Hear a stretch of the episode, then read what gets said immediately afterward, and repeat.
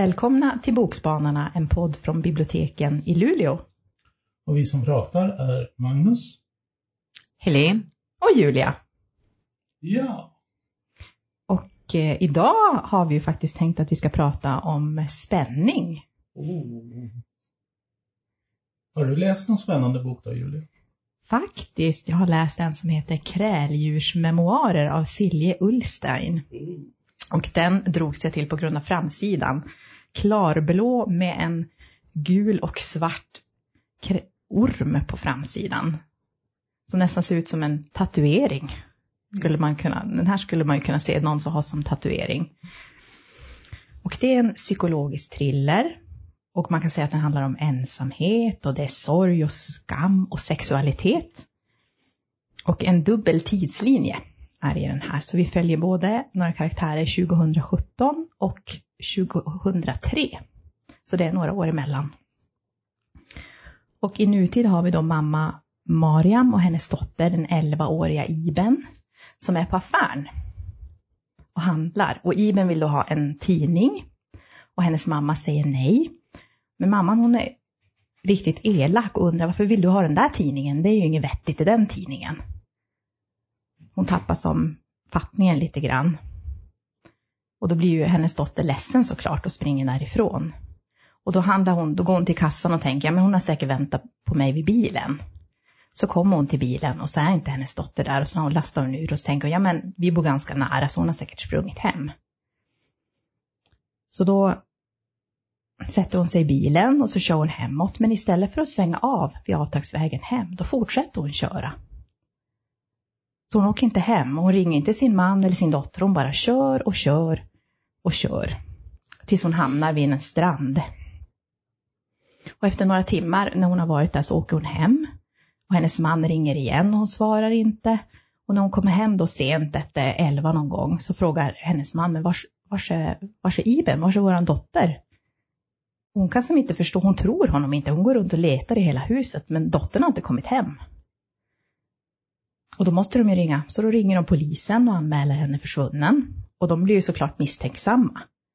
Varför åkte inte Mariam hem? Varför har hon inte svarat i telefon när hennes man ringde? Hon kan inte förklara liksom, den här instinkten, att hon bara körde iväg istället för att åka hem. Men det dras igång ett stort polispådrag och tv och media. Och en av de här poliserna som heter Roer blir då särskilt misstänksam mot Mariam, för han lider fortfarande av sin dotters alltså död, som skedde då under mystiska omständigheter många år tidigare. Om vi nu hoppar till, tillbaka i tiden, till 2003, då följer vi en ung kvinna som heter Liv som har problem hemma. Hennes mamma har alkoholproblem, hon undviker sin bror, så hon har flyttat in med två killkompisar i en lägenhet. De festar och tar droger och så skaffar de en orm tillsammans. Och den här Liv blir helt uppslukad av den här ormen som hon döper till ner. Hon har den i sitt rum. Hon tycker den pratar med henne och meddelar henne liksom att den blir sur på henne om den inte får äta liksom levande föda. Så i en scen, hon lurar till sig en liten kattunge som hon sedan matar till den här ormen.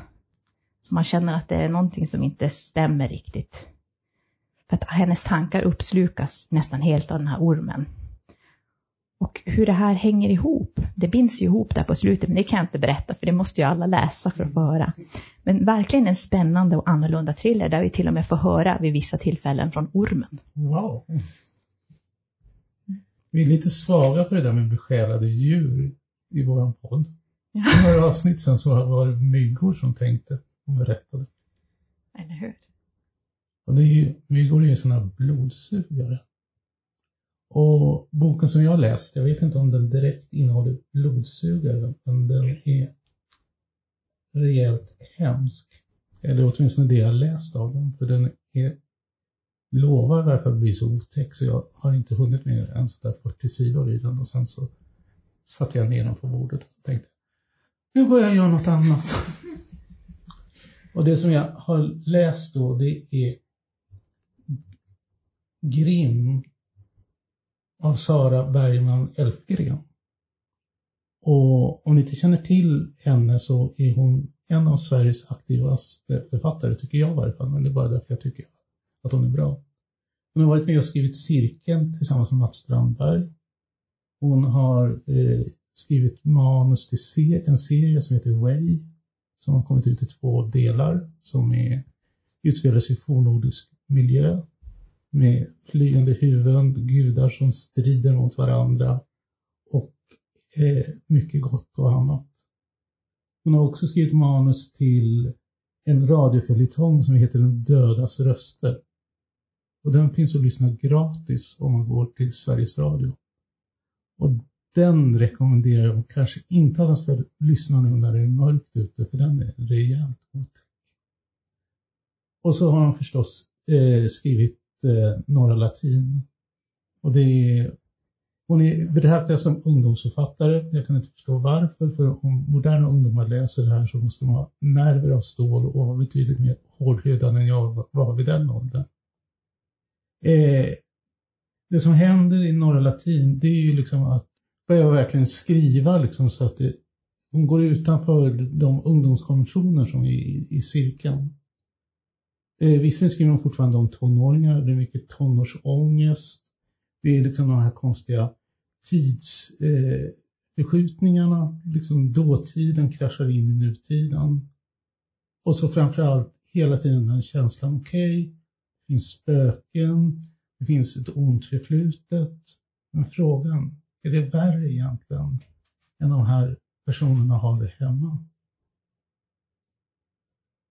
Och det är en sån här utgångspunkt som inte jag kan säga nej till. Så jag var jättetaggad när hennes nya bok då Grim kom. Och hittills är jag inte besviken.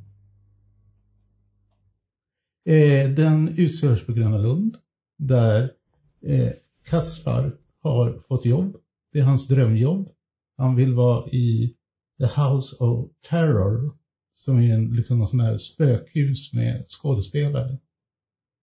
Alltså utklädda människor som springer runt med eh, motorsåg och jagar eh, skrikande människor som har betalat 60 kronor för det eller något sånt där. Men istället så hamnar han då på Lustiga huset där han står längst ner och tar emot de där mattorna som liksom eh, folk far ner på. Och det är väl kanske det som är den största skräcken av allt. Att vara så nära det man tycker om. Men det ser ut att inte bli speciellt lyckat ändå. Och här kan inte jag säga mer för jag har inte läst längre. Men jag är säker på att det kommer ändra sig. Därför jag vet att han kommer träffa Iris, som är en av de här skådespelarna i det här spökhuset. Plus att eh, hans pappa eh, hade ett band där det var en sångare som hette Grim som alltså boken handlar om. Och bandet då, det hette Dark Cruelty, så det var inte någon sån där trevlig musik. Och den här Grim försvann under mystiska omständigheter. Och jag vet att han kommer dyka upp i Kaspers drömmar. Och då kan man ju undra vad som kommer hända. Oj, oj, oj. Mm. Men jag, Kasper, då tänker jag på Kasper det vänliga spöket. Ja. Och det kanske inte, det är nog inte det de tänker på. Nej, jag tror inte det. Men eh, Helen, vad har du för spännande att tipsa om? Ja, spänning kan ju vara på mycket olika sätt och jag ramlade över en bok som på biblioteket står den på hyllan för deckare, action och thriller, men jag tycker nog inte riktigt den passar där. Jag tror att de som söker en riktig deckare eller thriller kan bli lite besvikna. Eller så blir de som jag fullständigt överrumplade av Anna Koros Kiruna-triologin. Och den består då av första boken som heter Den första frosten, andra boken Norrskensnatten och tredje boken Gryningsjakten. Och de här tre böckerna tycker jag, alltså de håller alla tre, det är inte alltid det gör det när man läser olika trilogier. Och dessutom så påminner de här böckerna, Anna Koro skriver som min favoritförfattare, en av mina favoritförfattare, Ragnar Jonasson från Island. Det är liksom ingen lullull och sådär, det är ganska rakt på och ett ganska kargt språk. Och väldigt fina beskrivningar av Kiruna. Boken, böckerna handlar om Alice, en ung kvinna som jobbar på bil, en bilverkstad i Kiruna. Och ja, det är ju en viss jargong där och det finns en manlig äldre kollega som hon är lagom förtjust i. Och en dag så får de in en bil som ska lagas och hon säger att hon kan ta den men han säger att det kan du inte alls, jag tar den här, jag har mer, jag har mer erfarenhet än dig. Fast Alice är väldigt duktig på sitt jobb. Och den här mannen han tullar ofta på säkerhetsrutinerna även denna gång. Han tar en domkraft när de egentligen ska ha någon annan typ av lyftanordning. Och det bär sig inte bättre än att eh, han dör. Domkraften säckar ihop och han blir mosad. Alice tar det ganska hårt och hyr en stuga ensligt belägen uppe i de norrländska fjällen och en, där träffar hon Jonas som har en stuga en, en bit bort. Eh, som hon har ett av och påförhållande i de här tre böckerna och man förstår att Jonas han vill nog mer än vad, vad Alice vill. Och när hon är i den här stugan så kommer Raumo från Finland, så är på vandring för att han vill se fjällrävar.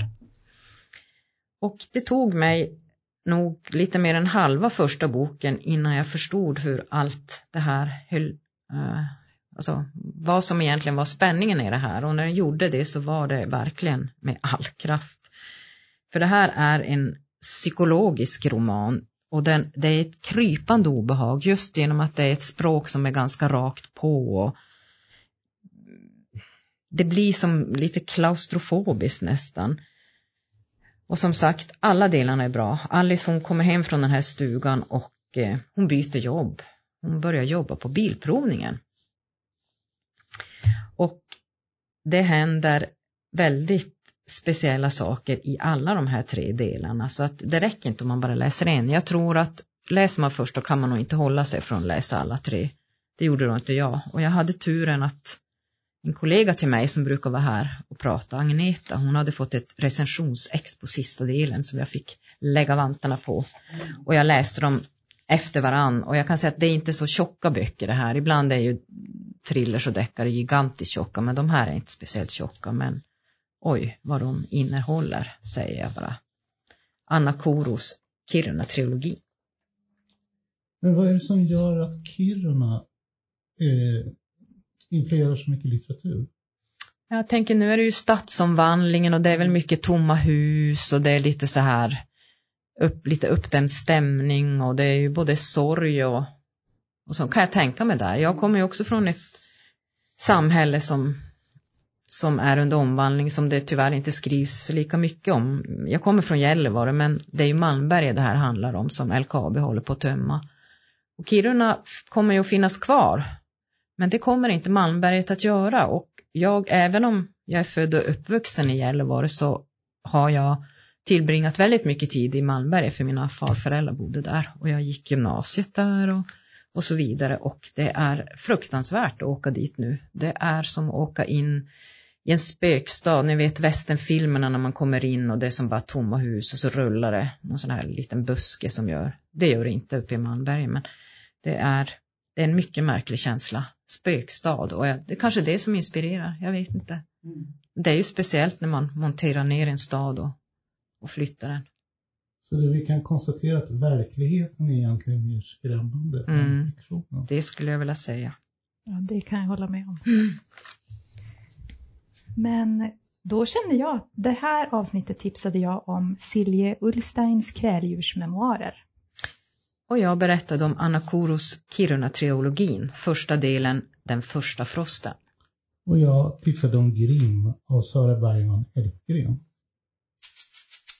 Ja, tack för den här gången. Tack och hej. hej